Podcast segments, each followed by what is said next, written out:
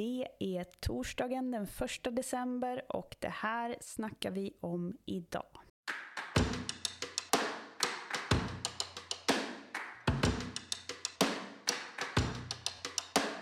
Ordet på alla släppar. Många gånger låter det som en naturkraft, något som drabbar alla och per automatik stoppar allt som är bra. Men såklart är det politiskt.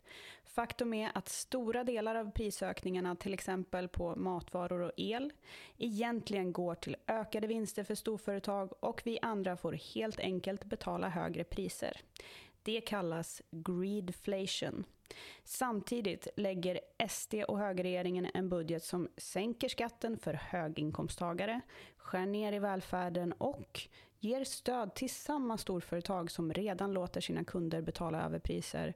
Nu har Vänsterpartiets budgetalternativ kommit. Där hittar vi helt andra svar och det du kallar en rättvis väg genom krisen, Ali Esbati. Japp. Det ska vi prata mer om. Jag heter Hanna Sterin och jag hoppar in medan ordinarie programledare Anna Herdy är föräldraledig. Du heter Ali Esbati och du är ekonomisk politisk talesperson för Vänsterpartiet. Vad är det för budget du har föreslagit för Sverige?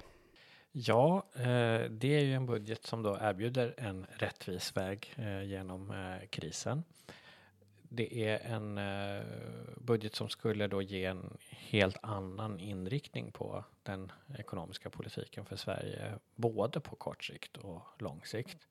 Eh, mer eh, omedelbart så handlar det om att eh, vi lägger förslag som eh, tar hänsyn till och hjälper till med eh, vanligt folks ekonomiska bekymmer på ett helt annat sätt än vad regeringens budgetproposition gör.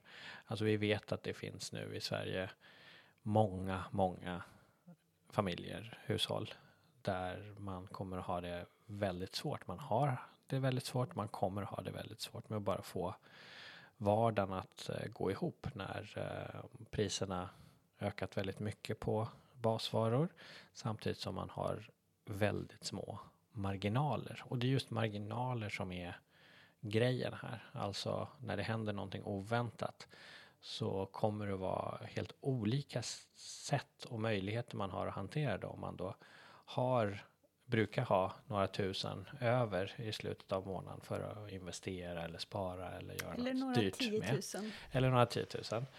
Eh, precis som det ju är för, väldigt, eh, för en grupp väldigt välbärgade personer i Sverige. Men, men om man då har ingenting normalt sett i slutet av månaden. Då kan en ökning av priserna på det man köper in för 200 spänn, 500 spänn, 1000 kronor vara helt ödesdiger. Eh, det är en jättestor skillnad om man måste ställa in den andra utlandssemestern kanske då kontra om man måste ställa in hela julfirandet, ta några pengar till, till julklappar till barnen. Uh, och det är den verklighet som många i Sverige har. Och det gör och regeringen ingenting för. Både hushåll och småföretag, eller hur? Ja, så är det också. Uh, det är ju en väldigt stor skillnad mellan de företag som har möjligheter att vältra över sina kostnader på kunderna genom att bara höja uh, priserna, ta ut mer, låta bli att göra vissa jobb men göra mer av andra jobb. Eh, kontra de företag som har eh, små marginaler och som är beroende av eh, vissa insatsvaror och att man då eh, får ett visst eh, pris. Och eh, för, för en hel del småföretag så är det vissa branscher som eh, bara torkar in för att liksom, det blir för dyrt med att göra vissa saker. Och det kan ju också då vara helt ödesdigert för hela verksamheten. Så att vi har en situation där många har det väldigt svårt i Sverige och det är ingenting som man kan liksom skönja i regeringens budgetproposition. Men man kan det definitivt om man eh, tar del av Vänsterpartiets eh, budget. För det är liksom en, en röd tråd i det vi vill göra här och nu på kort sikt, snabbt och eh, effektivt. Och så har vi samtidigt då en, en politik på eh, medellång och, och lång sikt som till exempel innebär en, en ordentlig klimatomställning som innebär att vi börjar skruva i de tunga eh, delarna av, av den ekonomiska politiken på ett sådant sätt att vi faktiskt kan kan få en effektiv klimatomställning och inte bara prat och målsättningar. Och hur är det nu? Visst är Vänsterpartiets ekonomiska politik när det kommer till budgeten enormt mycket mer expansiv än SD och högerpartiernas. Har du en sedelpress i källaren?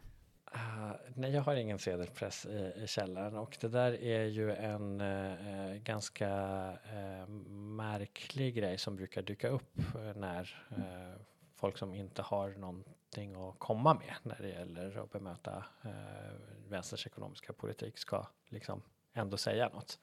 Eh, det vi kan se nu, det är ju att det budgetförslag som vi lägger eh, är för eh, nästa år, alltså för 2023. eh, inte lånefinansierad. Eh, alltså vi har eh, utgifter och eh, intäkter för samlat för offentlig sektor som, som går plus minus noll.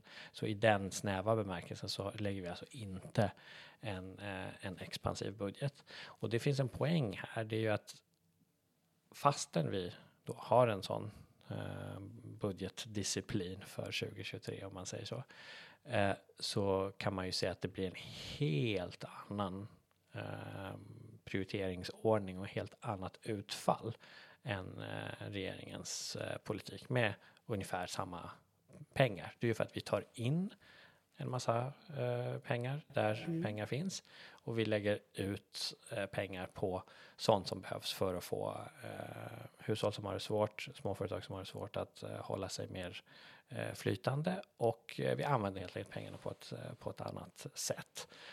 Och det är ju, står ju i ganska tydlig kontrast till den passiviteten som man kan se i, i regeringens budgetförslag. Då. Eh, men sen så, och, det gör vi ju för att läget är så pass osäkert nu. Det finns så många osäkerhetsfaktorer i det här eh, ekonomiska klimatet både globalt och i, i Sverige. Att, att det finns skäl att vara eh, lite mer försiktig eh, och svårare att bedöma vissa eh, liksom faktorer i ekonomin. Men det är ju också helt tydligt att vi behöver en Eh, mer expansiv ekonomisk politik framöver i vissa specifika syften. Nämligen då att göra rejäla, stora fysiska investeringar eh, för eh, klimatomställningen. Och det är ju så med alla stora investeringar. Det är ju att man, man satsar stora pengar nu för att man ser att det finns eh, någonting som kommer av det framåt som är helt eh, rimligt då att ehm, eh, lånefinansiera exempelvis då eh, eh, i, i ett visst skede. Och den typen av förslag har vi också eh, många av i vår budget. Men de innebär inte att vi får en, en underfinansierad budget för det första året, eh, alltså 2023. Så du menar att med samma nivåer på skuld och lån hos staten så kan vi satsa på välfärden, vi kan stödja småföretag, hushåll och dessutom rikta extra eh, insatser mot barnfamiljer, pensionärer och arbetslösa trots att vi inte har en mer expansiv budget än högern. Precis, och det är ju det som är så att säga vår, uh, vårt uh, budgetförslag. Uh, det innebär ju då att de som har haft riktigt, riktigt höga inkomster Eh, i, i eh, Sverige eh, under lång tid, de får betala mer, de får vara med och bidra mer. Men då kan också de som har små marginaler få större möjligheter att klara eh, klara vardagen. Och framför allt handlar det om att det som gör oss gemensamt tryggare och rikare egentligen, att vi har en fungerande eh, sektor med välfärdstjänster. Att det blir värnat och till och med kan utvecklas. Den, det som regeringen presenterar i, i sin budget innebär ju att man eh, låter bli att skjuta till de resurser som behövs ens för att behålla samma ungefärliga personaltäthet i, mm. i välfärden. Och då vet ju alla som har haft någonting med det att göra. Den är inget vidare. Nej, vi pratar om folk som har uh, haft det stressigt så länge de kan minnas det ofta då. Uh, I 20 år, om man har jobbat så länge, har det varit en ständig press på eh, effektivisering inom citattecken som ofta innebär helt enkelt att man antingen får, får trolla och eftersom det inte finns de möjligheterna i verkligheten så innebär det att folk får springa fortare och, och, och eh, hela tiden känna att de inte kan göra ett så bra jobb som de skulle vilja göra gentemot elever, eh, patienter, äldre. Eh, I det läget är det, är det så djupt oansvarigt att lägga eh, ett budgetförslag som då inte tar höjd för det utan tvärtom då kommer att kräva Uh, press på att säga upp folk helt enkelt inom kommuner och, och, och regioner. Nedskärningar. Nedskärningar helt enkelt. Vi lägger ju då uh, istället då ett förslag som uh, dels klarar att behålla liksom servicenivån på Eh, på den nivå som liksom, Sveriges kommuner och regioner och andra har påpekat eh, eh, behövs. Alltså man behöver skjuta till pengar för att behålla samma nivå och utöver det så lägger vi ytterligare medel då till, till kommunerna för att det ska vara, kunna bli fler anställda, inte färre. Sammanfattningsvis alltså ingen sedelpress i källaren, men andra prioriteringar än vad en höger och SD-budget har. Det kan man säga. Sen tror jag, jag tror det är viktigt att komma ihåg, det här eh, Eh, kommer säkert att vara mer av samhällsdebatt om, men att, att eh, alltså, pengar skapas ju när banker lånar ut pengar. Så den här idén om att det är liksom någon på finansdepartementet som skapar pengar, den är helt liksom felaktig. Och, och, och lite intressant och oroväckande är det ju att eh, vi har eh, liksom ett ekonomiskt politiskt etablissemang, särskilt politiker som, eh, som liksom mer eller mindre medvetet använder sig av liksom missvisande metaforer och liknelser när de pratar om den ekonomiska politiken för att slippa ta ansvar för politikens utfall. Det gjorde ju faktiskt också den förra socialdemokratiska regeringen när Magdalena Andersson pratade hela tiden om det här med att spara i ladorna. Så var ju det eh, en, en otroligt dålig beskrivning av eh, ekonomin, vilket vi ju märkte när, eh, när eh, pandemin till exempel slog till. Då var det ju inte pengar i ladorna som behövdes, utan det mm. behövdes ju sjuksköterskor som då inte fanns eller som var redan slitna. Eh, och det skapade problem. Så var, visade det sig att man kunde ju trycka ut massa pengar i ekonomin för att rädda vissa eh, liksom funktioner och verksamheter. Det var ju bra att det gjordes, men det var ju inte pengar som var sparade i några lador. Mm. Det är inte så ekonomin fungerar. Men det, det där är viktigt därför att vi eh, tänker ibland ganska fel runt pengar i den, eh, i den offentliga ekonomin. Det som verkligen behöver uppnås, det är ju en del reala ekonomiska mål. Hur ser vi till att välfärden fungerar? I det här fallet handlar det om att fler måste jobba där och då behöver vi ha en statsbudget som ser till att prioritera de resurser vi har så att fler kan bli anställda med vettiga villkor i den gemensamma välfärden. Det går inte att trolla på något sätt runt det och säga nej men vi hittar en konsult som lär er att jobba snabbare eller, eller springa fortare. Vi behöver bygga eh, mer spår för att kunna ha mer järnvägstrafik i Sverige. Då behöver man fatta de politiska besluten för att sätta igång med de sakerna. Om man tänker att marknaden fixar det, då kommer det inte att bli gjort. Det, det är den typen av liksom reala överväganden och beslut som, eh, som behövs. Och nu har vi haft det i decennier nu, politiker både från socialdemokratiskt håll och högerhåll som har liksom gömt sig bakom eh, en del liksom floskler och idéer om, om vad som är effektiv marknadsmässig politik för att undvika att ta de politiska fighter som, eh, som behövs. Uh, och, och, i det läget befinner vi oss nu och det har ju gjort, uh, gjort det svårare att bedriva en, en bra ekonomisk politik och öppnat upp skulle jag också säga för en hel del av den uh, liksom, väldigt så här, dumma tillbakablickande högerpopulismen som präglar en hel del av vårt politiska samtal. Och så sitter vi också här med en underfinansierad välfärd och med tåg som inte går Precis, som de ska, så precis. säga. Och då, och då, det, det är orsak och samband. Ja, exakt. Och det tror jag är liksom, vi behöver mer och mer prata om det på det sättet. Det är ju inte så att det fattas pengar i Sverige, utan de pengarna, de motsvarar resurser som är på ett annat ställe. Vi har aktivt politiskt bestämt i olika, inte Vänsterpartiet har inte gjort det, Mm. men, men det, det är politiska beslut som gör att man tänker var ska den här byggnadsarbetaren jobba?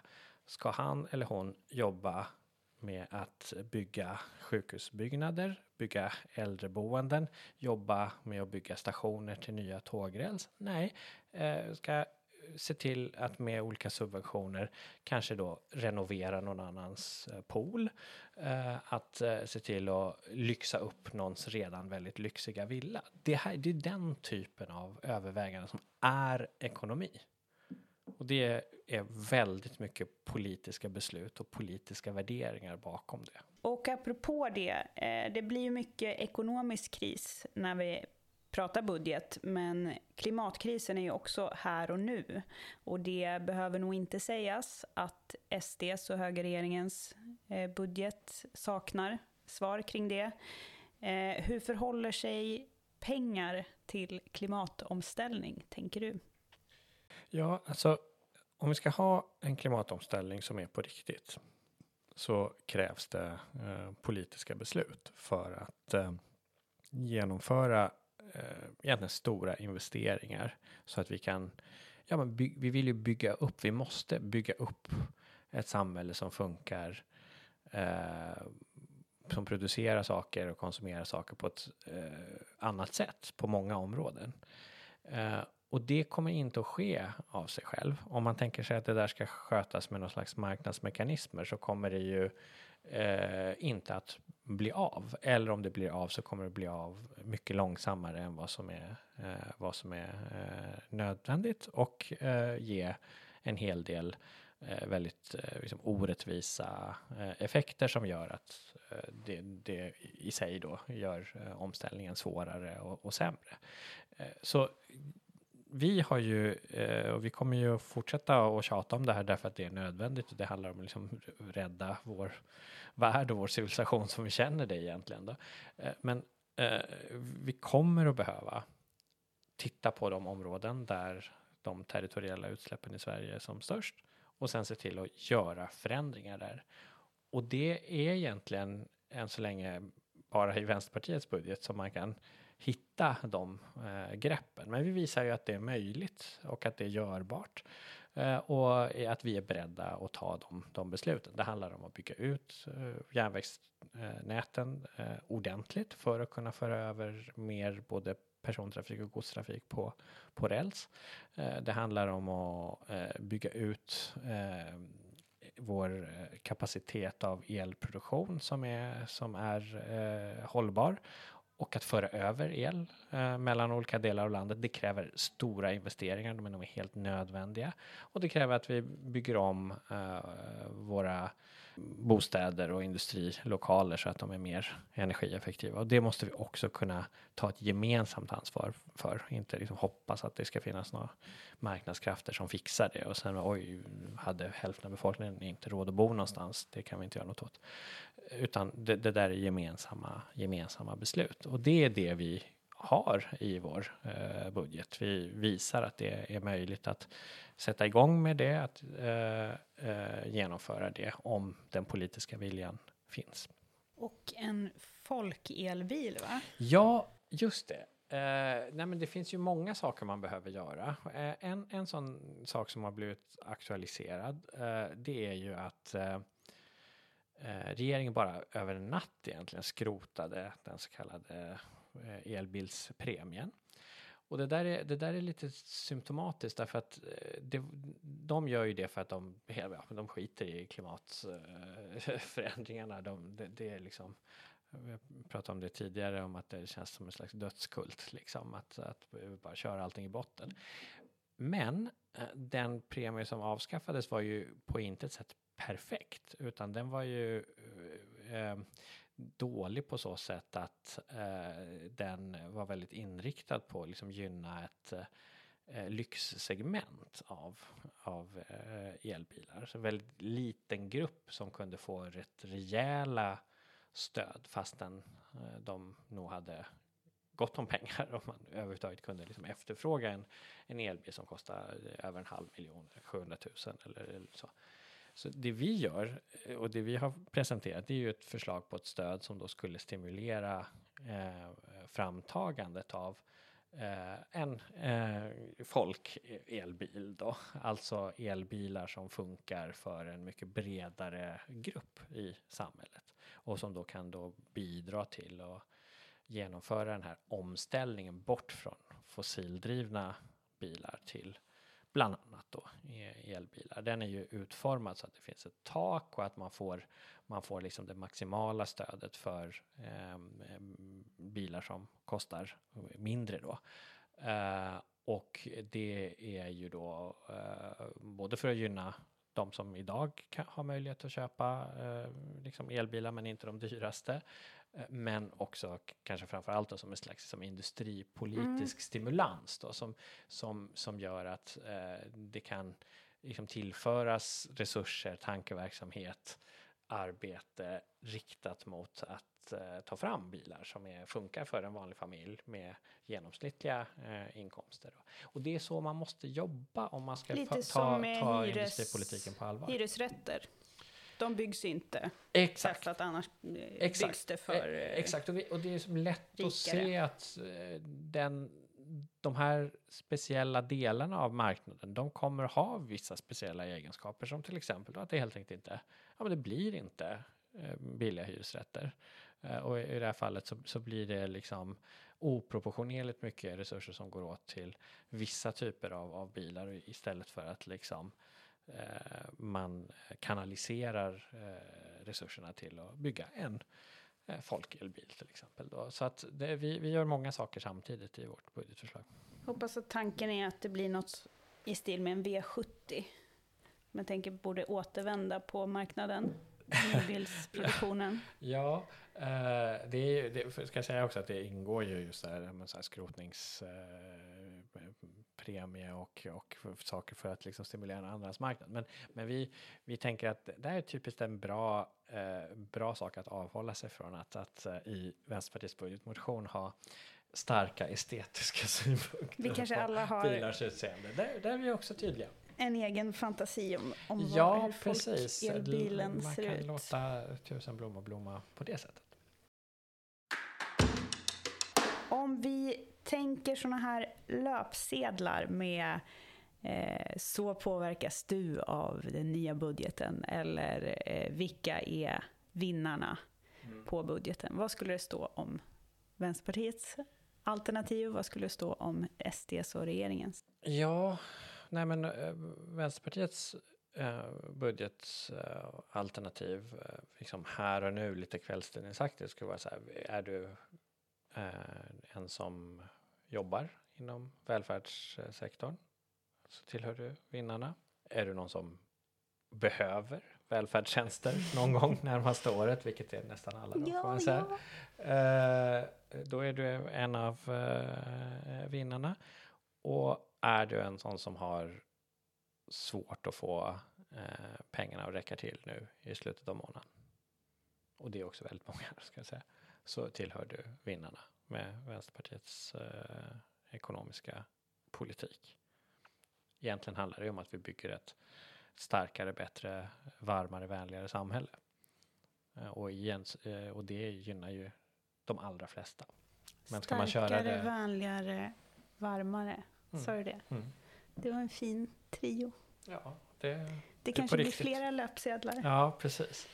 Men, eh, men skulle man liksom eh, försöka få fram vilka som är vinnarna med, med regeringens och Sverigedemokraternas budget så är det ju eh, har du, eh, är du multimiljonär eller helst miljardär eh, då tillhör du eh, vinnarna. Är du eh, eh lobbyist för välfärdsbolagen eh, eller ägare av en sån som får pengar direkt från välfärdsbudgeten till ditt konto på Caymanöarna, då tillhör du vinnarna. Eh, och är du en person som kanske räknar med att eh, kunna sätta dig själv och dina barn på Elon Musks Mars-raket och, och bo där oberoende av någon annan. Mm. Eh, eh, så att du inte påverkas av eh, klimatförändringar. Eh, då tillhör du också möjligen en av vinnarna. Och det väsentligt mindre grupp skulle jag säga. En anledning till att det finns så att säga vinnare i den ekonomiska krisen är ju det här som kallas greedflation. Vad är det och vad kan politiken göra åt det? Mm. Det är ju ett bra begrepp därför att det, den eh, pekar ju på att inflation är ju liksom egentligen lite för brett begrepp för att täcka in eh, det som sker. Eh, det finns ju olika typer av priser som kan öka och av olika skäl.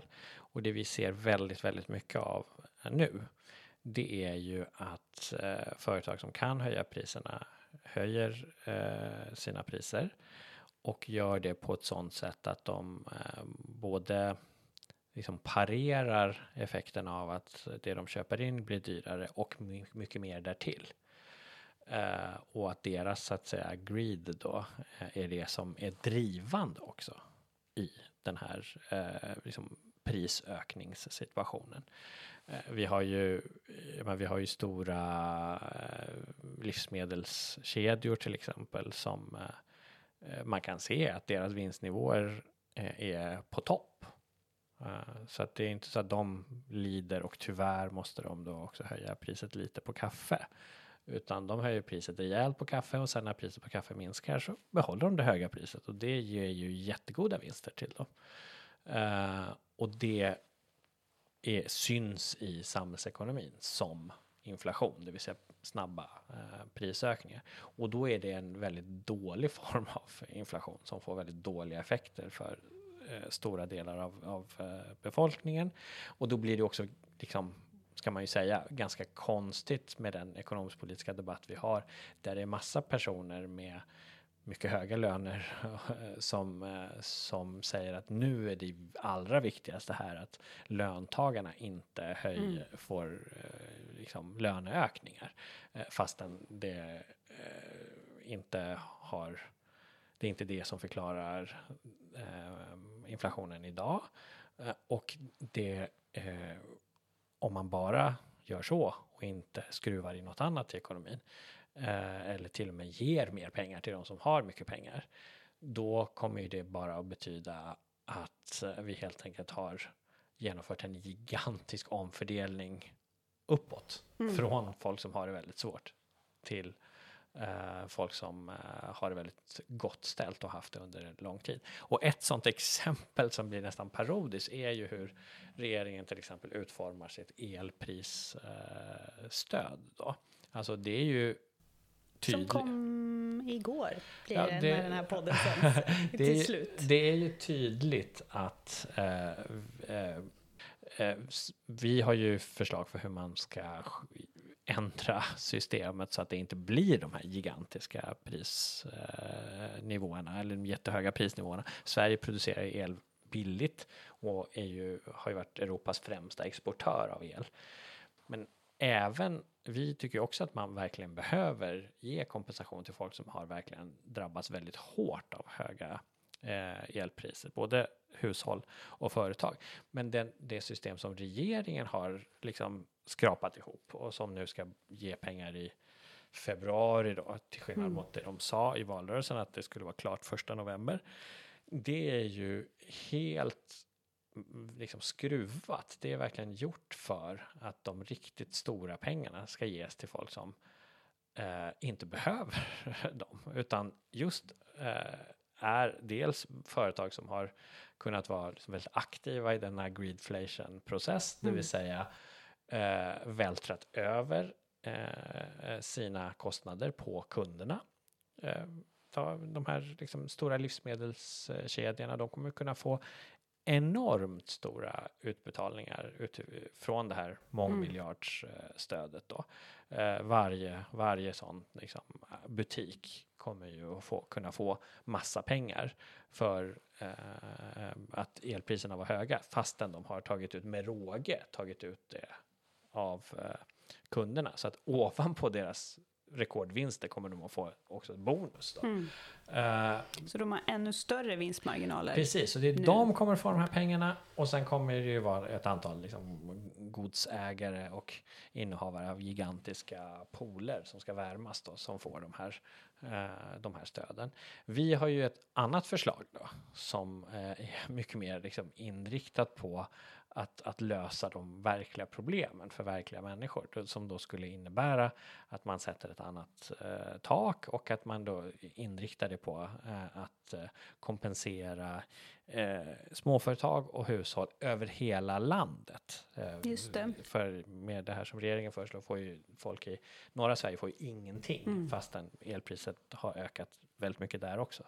Så, med regeringens förslag. Med vårt förslag skulle man få eh, över hela landet eh, ehm, mindre där prisökningarna har varit mindre, men, men, man skulle ändå få över hela landet. Och framförallt så skulle det vara inriktat på att eh, det är, är de som har verkligen drabbats av de här elprisökningarna ordentligt som skulle få stödet. Och är man då ett storföretag eh, som tillhör en kategori där man av eh, hur konkurrensen ser ut, hur marknaden ser ut, inte har eh, hört till de som har kunnat vältra över på, på kunderna då, utan, utan har drabbats av stora eh, liksom ekonomiska problem. Då ska man också med vårt system kunna söka och få stöd.